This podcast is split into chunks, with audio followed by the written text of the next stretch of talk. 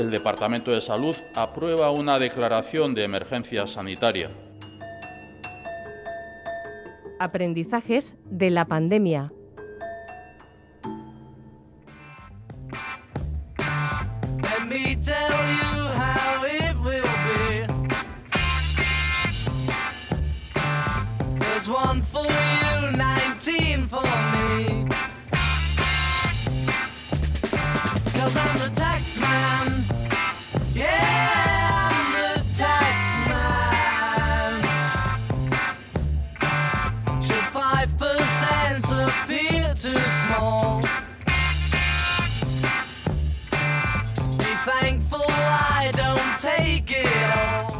Analizamos los aprendizajes de esta pandemia en el ámbito económico y lo hacemos con Borja Velandia, el exdirector de Lambide, con John Barrutia, el responsable de la memoria socioeconómica del Consejo Económico de Euskadi, decano también de la Facultad de Economía y Empresa de la Universidad del País Vasco, y con Marta Areizaga, empresaria CEO de la empresa First Leen, consultoría de estrategia y sostenibilidad. Y por empezar por lo concreto, Marta, eh, voy a preguntarte, ¿Has sacado algo bueno tu empresa de esta pandemia? Sí, Sí, además porque bueno, es muy importante sacar buenas cosas y aprendizajes, tanto en, lo colectivo, creo, como en, digamos, en lo individual o en el ámbito empresarial ¿no? de cada uno. Eh, desde luego el aprendizaje ha sido que tenemos una capacidad y una flexibilidad a la hora de tomar decisiones que no sospechábamos.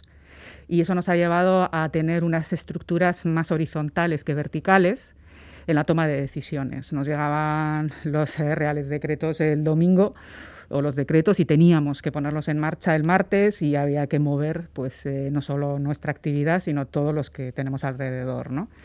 y eso nos ha llevado a bueno pues a descubrir unas capacidades que, que no teníamos esa y el tema de la digitalización que yo creo que también hemos avanzado como 10 años que pensábamos que era muchísimo más costoso y que la fuerza Orcan y hemos tenido que trabajar desde el ámbito digital con todo lo que ya ha conllevado de conciliación, el trabajo híbrido, la organización y demás.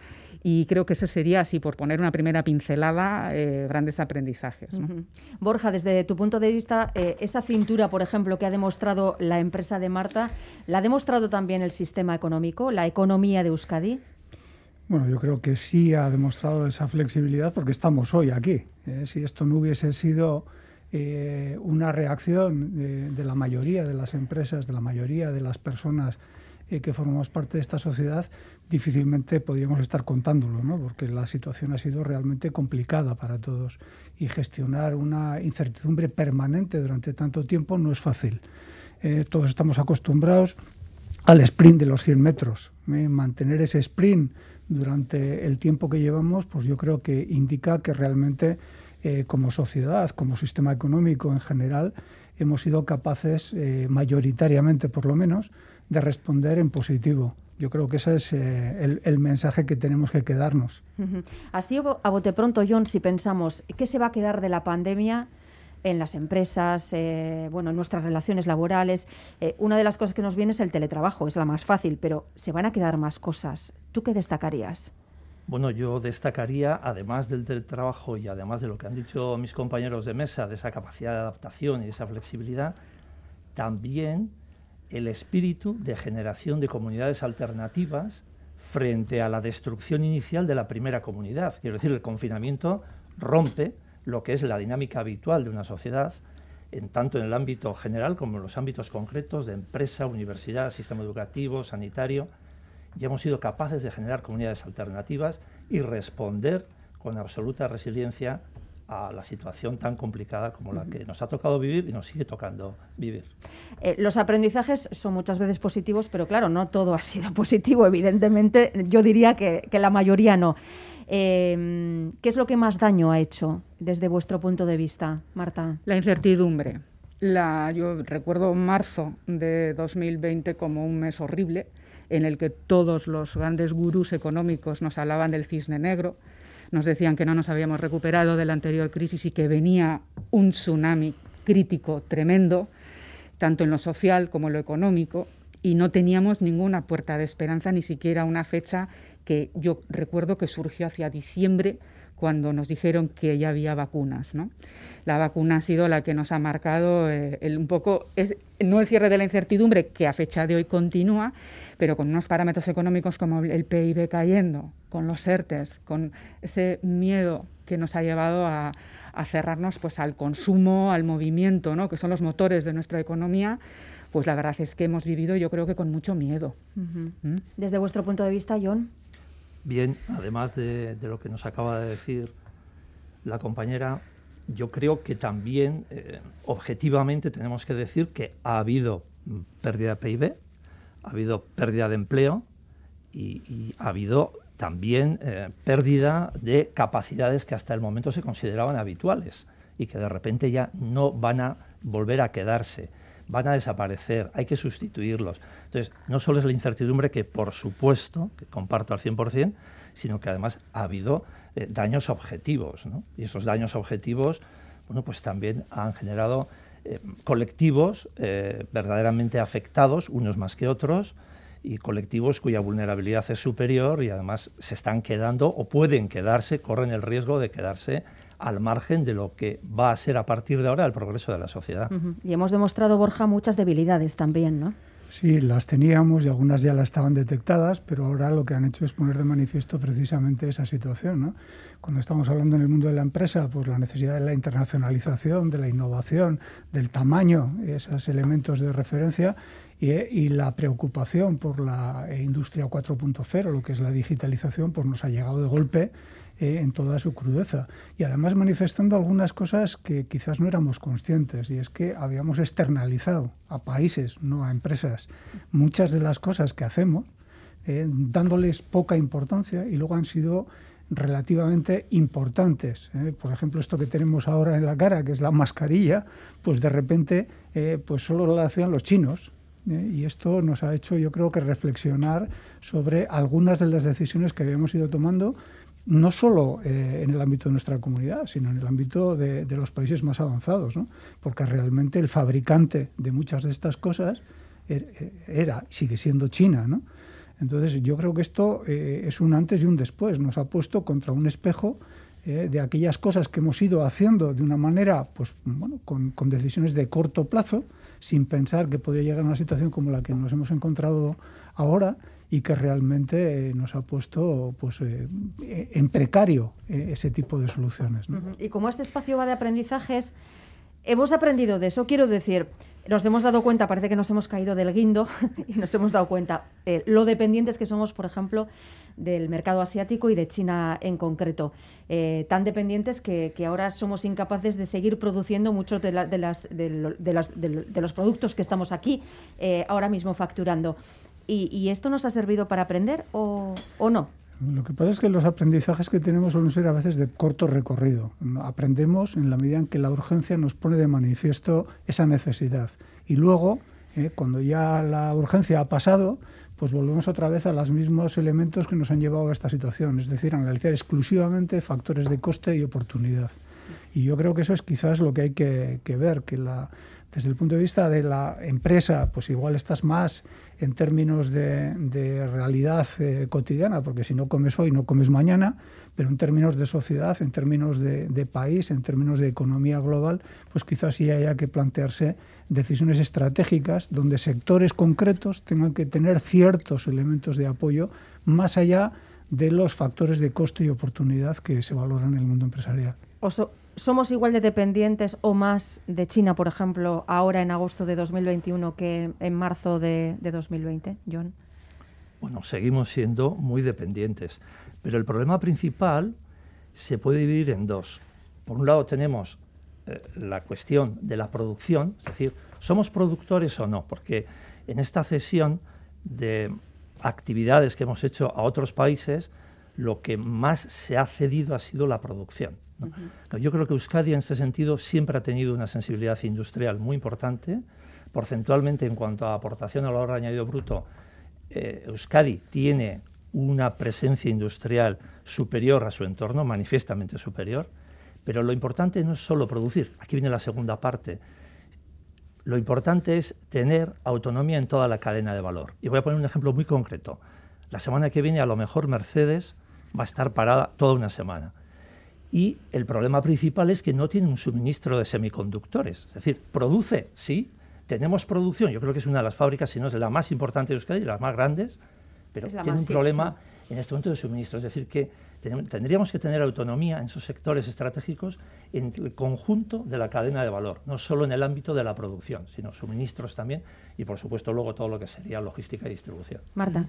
Sí, yo totalmente de acuerdo con lo que dicen eh, Borja y yo. ¿no? Eh, además, es que lo, venía pensando cuando venía hacia aquí. Tenemos no ya el ejemplo de las mascarillas y un ejemplo cercano como es el tema de la automoción, ¿no? que además es cerca del 10% de del PIB en Euskadi. ¿no? Entonces, la verdad es que sí que es una situación de definición de sectores de actividades estratégicas y ponernos a ello, que no se nos quede en un aprendizaje a corto, ¿no? sino que, verdaderamente aprendamos de ello. Hay otra palanca, que creo que además el tema de la cadena de valor, que sería el tema del consumo, es decir, igualar oferta y demanda. Es decir, si la oferta eh, en principio se va a encarecer porque vamos a tener, eh, digamos, productos producidos aquí con los costes de aquí, evidentemente el consumo va a tener que responder a esa, a esa situación. ¿no? Yo creo que ahí también tenemos que ir trabajándolo y, creo que, ese es uno de los aspectos que todavía tendríamos que estudiar a futuro. Antes eh, hablabas tú, Marta, de, la de, cómo se em, han empezado a tomar decisiones más horizontales y, menos verticales, que supongo que también tiene mucho que ver eh, con las empresas, con, la dimensión de las empresas. En las empresas más pequeñas eso quizás se ha visto más, en las empresas más grandes no.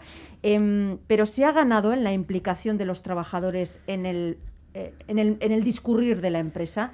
Eh, ¿Creéis que esto, esta filosofía de alguna manera está calando más? Yo creo que hay un eje importante y es que el criterio salud y seguridad de los trabajadores ha sido mayúsculo.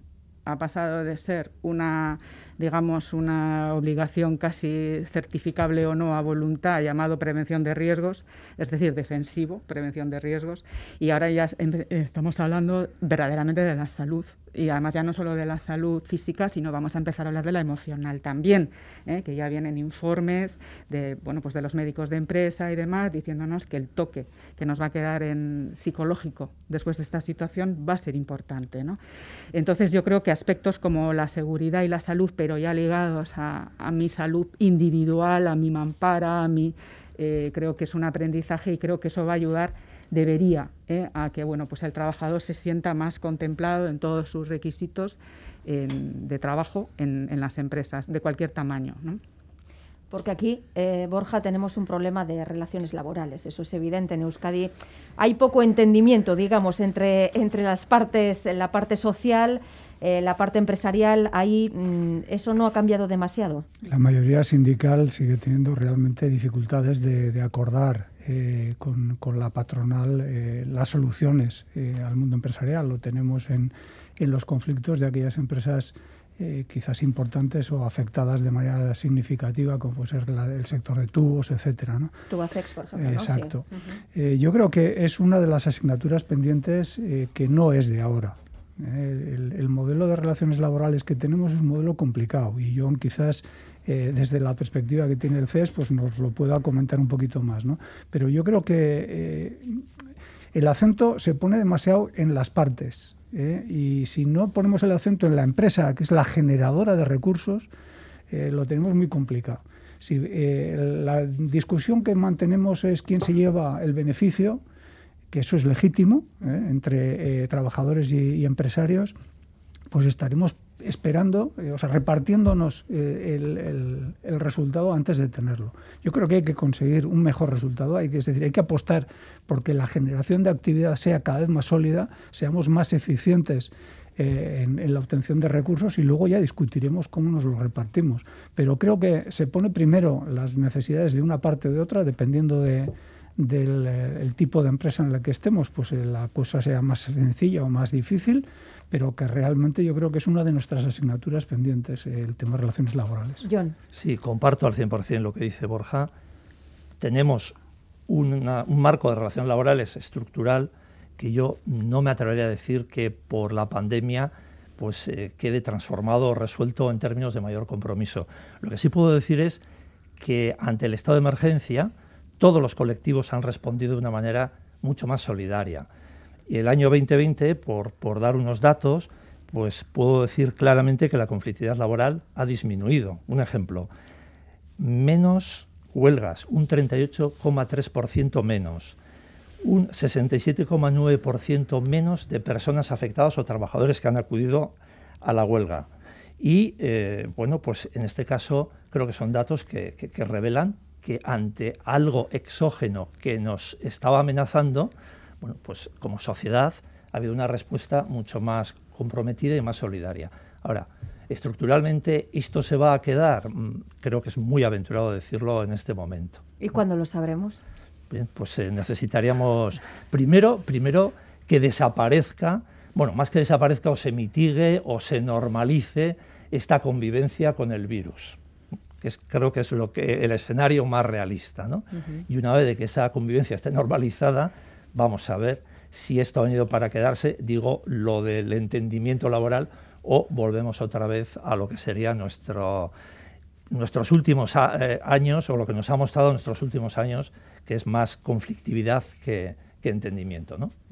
Lo que sí parece claro es que esta crisis la ha pagado sobre todo el eslabón más débil, quien tenía el trabajo más precario, quien tenía menos formación, eh, quien estaba en una situación, digamos, más complicada ya previamente, ha sido, han sido, digamos, los que los que peor lo han pasado. ¿Estáis de acuerdo con ese, con mm. ese análisis, Marta? Sí, yo creo que sí. Yo creo que veníamos además de una sociedad en la que la desigualdad iba aumentando y, uno de los grandes pánicos es que precisamente esta desigualdad siga creciendo. ¿no? Yo creo que hay eh, la figura de los ERTES ha sido providencial.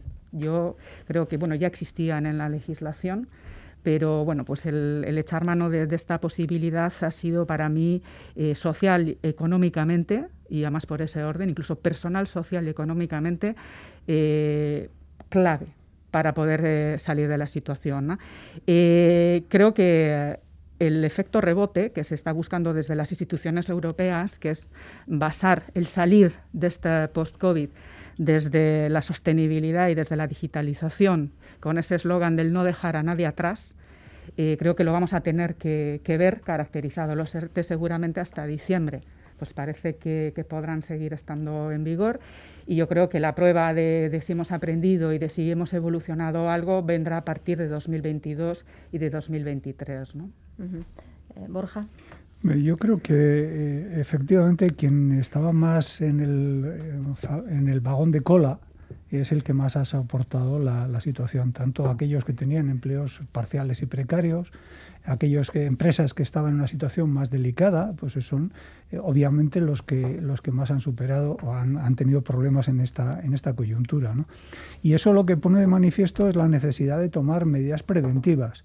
Eh, que a veces son posibles, a veces no. Yo cuando alguien está en una situación de ese tipo no suele ser porque ha querido, sino por otras circunstancias que a veces se nos escapan. Pero, por ejemplo, en el mundo em, empresarial yo creo que claramente lo que decía antes de innovación, internacionalización, tamaño, eh, adaptación al mercado digital van a seguir siendo asignaturas pendientes para la mayoría de las empresas. Algunas los tendrán en, términos de insuficiente, otros en términos de suficiente, y habrá unas poquitas que estarán en términos de, buenos resultados. Y desde el punto de vista de las personas que buscan empleo, pues seguimos estando en una situación ahora parecida al comienzo de la pandemia. Creo que estamos a muy poquitas personas de la situación que teníamos en marzo del 2020. Es decir, volvemos otra vez a la casilla de salida, pero teníamos 100.000 personas, ciento y pico mil personas, 120.000 creo que son, eh, en situación de desempleo y muchas de ellas con unas caracterizaciones muy específicas. Eh, por ejemplo, más del 60% de esas personas no llegan a tener eh, equivalentes a lo que serían los estudios obligatorios. Entonces, esto es lo que nos pone de manifiesto, es que una economía que cada vez se va complicando más, hoy los puestos donde no te exigen conocimientos específicos del tipo que sean son cada vez menores, ¿eh? lo vemos en la autopista. antes había ocho cabinas con ocho personas, ahora hay 20 cabinas y hay dos personas. Es decir, cada vez hay menos puestos donde la exigencia de formación eh, forma parte del menú. Por lo tanto, hay menos posibilidades de colocar a aquellas personas que no tengan formación. La formación va a seguir siendo eh, una necesidad para todas aquellas personas que busquen trabajo. Y también otra de las cosas que yo creo que, que tenemos que intentar acertar es que aquellas personas que se incorporan al mundo educativo, tengan en cuenta las salidas laborales. Porque yo siempre digo que cuando alguien tiene eh, una vocación, pues ejercítala, vas a ser bueno en tu profesión y normalmente el que es bueno en su profesión va a tener trabajo. Pero aquellos que somos normales y no destacamos por, por, nada en especial, tenemos que buscar donde haya más oportunidades y esos son los nichos donde se va a demandar ese empleo. Por lo tanto, apostemos porque la formación nos lleve a, desempeñar funciones en ese tipo de nichos porque nos va a ayudar a estar más cerca de encontrar el empleo. ¿Han cambiado los nichos de empleo con la, pandemia? ¿Son diferentes los nichos del 2021 de los del 2020, John? Bueno, lo que ha hecho la pandemia ha sido acelerar el proceso de transformación de los nichos de empleo. Es decir, eh, como ha dicho antes Marta y acaba de decir Borja ahora, lo que tenemos es una intensificación de todo lo que tiene que ver con la digitalización. Y la digitalización es transversal, entra en todos los sectores y entra en todas las profesiones. Por tanto, lo que ha habido es, insisto, esa, eh, digamos, intensificación. Y volviendo un poquito al tema anterior, en el tema del impacto de la pandemia en determinados sectores, yo creo que habría que destacar dos cosas. Una es el paro, el paro por dar unos datos muy, muy, muy concretos, el paro ha afectado básicamente mucho más en el ámbito de los servicios, por ejemplo hostelería, y en el ámbito industrial, en metalurgia y material de transportes. Han sufrido mucho paro. Y eh, también tengo que decir que por primera vez, por primera vez desde hace mucho tiempo, han sufrido más el paro ellos que ellas. Esta sería la primera parte. Y la segunda parte, los sectores que estaban ya marginados y que siguen quedándose marginados o son especialmente vulnerables, tenemos que decir que Euskadi ha presentado un sistema de protección social tan, tan, eh, digamos, coherente y compacto que ha permitido mitigar bastante ese efecto negativo. Por dar un último dato, la protección social de Euskadi representa el 25,1% del conjunto de la protección social del Estado, cual quiere decir que somos una comunidad muy solidaria y con unas instituciones además muy engrasadas para que esa solidaridad se pueda ejecutar con una buena gobernanza. Es una cifra eh, realmente llamativa, ¿no? La verdad es que la, desconocía y me he quedado, eh, se me han agrandado los ojos. Eh, Marta. Sí, bueno, yo comparto lo que dice. Yo creo que hay una oportunidad que se está abriendo y es el tema de la digitalización y de la sostenibilidad van a haber los fondos europeos famosos y la exigencia va a ser de cumplimiento, digamos, de determinados eh, parámetros relacionados con estos aspectos para conseguir. Pero además eh, estamos viviendo desde las instituciones europeas un auténtico tsunami legislativo en materia de sostenibilidad, algo que ellos están llamando los reglamentos de taxonomía social y medioambiental en los que las eh, están, digamos, listando qué actividades dentro de la actividad económica y empresarial de la Unión Europea entran dentro de los parámetros medioambientales y sociales. Es decir, esto va a ser una revolución importante, es la apuesta decidida de la Unión Europea eh, por el, modelo de empresa y económico en Europa y desde luego va a crear nichos nuevos relacionados muchos con la economía circular o relacionados con la propia cadena de valor sostenible y, creo que esto es uno de los aspectos que hay que desarrollar desde, además desde las universidades. Creo muchísimo en este aspecto en las alianzas público-privadas y creo que ahí es donde vamos a tener que dar el salto económico como, como continente casi. ¿no? Precisamente de los fondos europeos a los que ahora has aludido, Marta, me gustaría preguntaros, ¿los veis bien orientados? Eh, ¿Creéis que esto se va a hacer bien? Eh, porque no sé si eh, tenemos dudas por experiencias anteriores que el dinero público no se ha gastado como, como se debiera. Borja.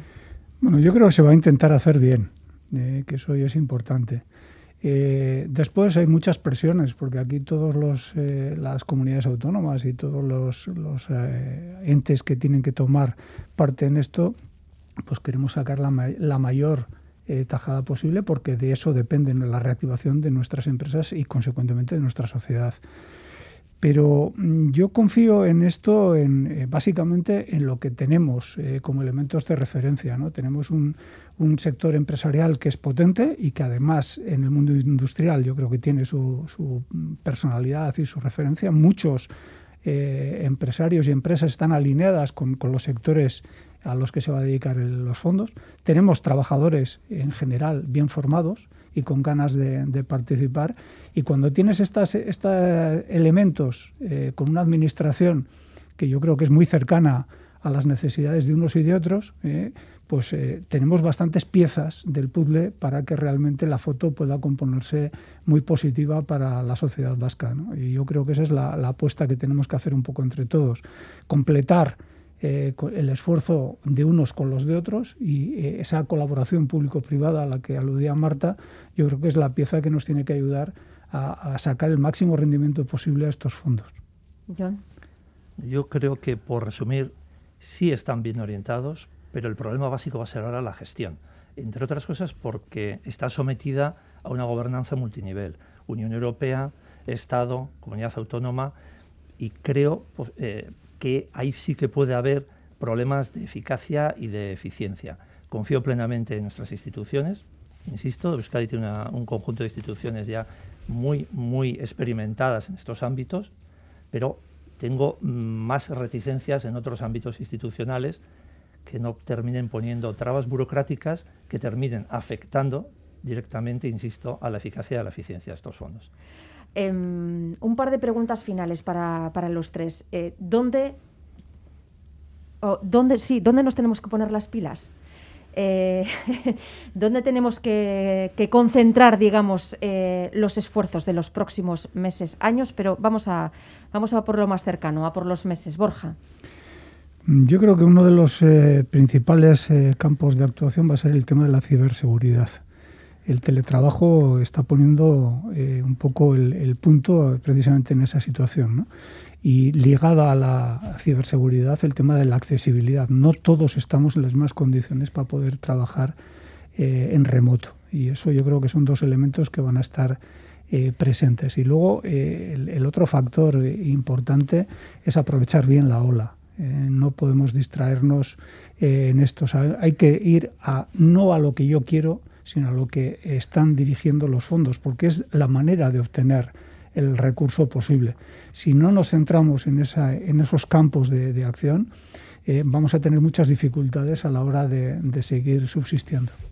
John. Lo que ha demostrado este año 2020 es que Euskadi está mucho mejor preparada de lo que creía en el ámbito de la logística y la distribución. Creo que tenemos que aprovechar todo lo que son las plataformas que ayudan a la digitalización para poder seguir intensificando en este ámbito. Y yo, no puedo ser de otra manera, también tengo que, insistir en que hay que hacer más énfasis en aprovechar toda la energía que presenta la juventud vasca. En este momento la pandemia ha hecho en el paro que haya sido este colectivo el que quizás más ha sufrido la destrucción de empleo. Y en ese sentido también creo que es una energía que está todavía sin aprovechar del todo. Por tanto, logística y distribución por un lado, Juventud Vasca por otro. Sí, y transición energética. Creo que después de los acuerdos de París tenemos todos unos compromisos internacionales. A partir de ahí, Bruselas lanza la legislación vía reglamento eh, para todos los Estados miembros y creo que a eso toca directamente sector energético, automoción, eh, eh, consumo privado temas que nos tocan a todos como ciudadanos incluso muy de cerca y creo que va a haber que también que dar a conocer que es informar muchísimo sobre el cambio y por qué tenemos pues eso que comprarnos un coche eléctrico por ejemplo no eh, va a ser la economía verde tan importante como como, como parece eh, Marta, tú tienes esa impresión es la apuesta de Bruselas por el modelo. La digitalización desde mi punto de vista la ven un poco por perdida con China y Estados Unidos en el mercado global pero la sostenibilidad sí se apuesta como el modelo verdadero no en lo social y en lo medioambiental ¿eh? y en cuanto a gobierno corporativo también y yo creo que esa es la, es la apuesta decidida. De hecho, la financiación, tanto pública como privada, va a ir orientada hacia allí. Los bancos van a ser un poco los que van a ir juzgando qué tipo de actividad económica es sostenible o no para darles financiación o no a 2030. Es el primer sector que se está ya movilizando y ya están lanzando un montón de productos, préstamos verdes, eh, bueno, y, creo que, eso ha venido para quedarse. Y además es que quieren meterle mucha velocidad. Eh, y la última, eh, siempre hay algo a lo que miramos con bueno pues con cierta admiración ¿no? y nos parece que ha tenido eh, pues una actuación ejemplar eh, una empresa un, eh, un ejemplo una institución a quién le pondríais un sobresaliente en esta pandemia Pues me vais a permitir que barra para mi casa. La Asociación de Empresarias y Directivas de Vizcaya ha estado fantástica, es verdad, en un momento en el que la incertidumbre y el miedo, el pánico, el desconocimiento, el no tener fechas fin que comentábamos antes, era la voz común. Eh, hemos mantenido eh, charlas, conferencias de los temas en vigor, de la legislación que entraba vigente y demás. Y la verdad que me ha parecido que ha sido un ejemplo en el que también eso, el asociacionismo, lo colectivo, son muy importantes en momentos como este. ¿no? Borja. Yo destacaría el, papel de la ciencia y, la, investigación en, toda esta pandemia. Yo creo que de estar eh, pues, prácticamente denostado el, invertir en, materia de investigación y ciencia, se ha puesto de manifiesto la necesidad absoluta de que eso eh, sea un elemento de referencia en nuestras inversiones y que además no solo es un campo de necesidad, sino también es un campo de oportunidad. Y, ligado a, este sector, pues bueno, pues algunos eh, eh, campos sanitarios, educativos, etcétera, que yo creo que han tenido un comportamiento excepcional en esta en esta situación de pandemia. Yo no, te gusta poner notas por la cara que te he visto.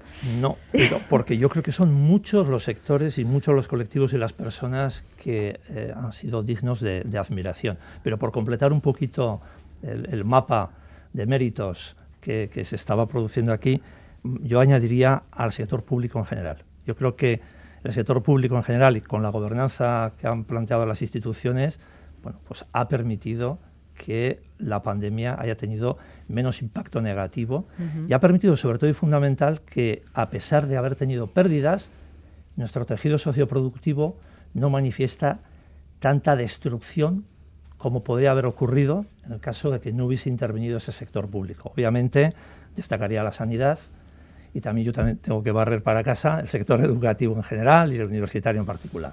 Eh, es que si algo aprendió, eh, aprendieron las instituciones, de, yo creo que prácticamente de todo el mundo, de la anterior crisis respecto a la anterior crisis, es que había que dar soporte público. Y afortunadamente eso sí que se aprendió y, vamos a salir mejor, eso, eso está claro. Eh, ha sido un placer. Muchísimas gracias, Borja, John, Marta, por habernos acompañado. Es que ricasco. Agur. Agur. Aprendizajes de la pandemia en EITV Podcast y Radio Euskadi.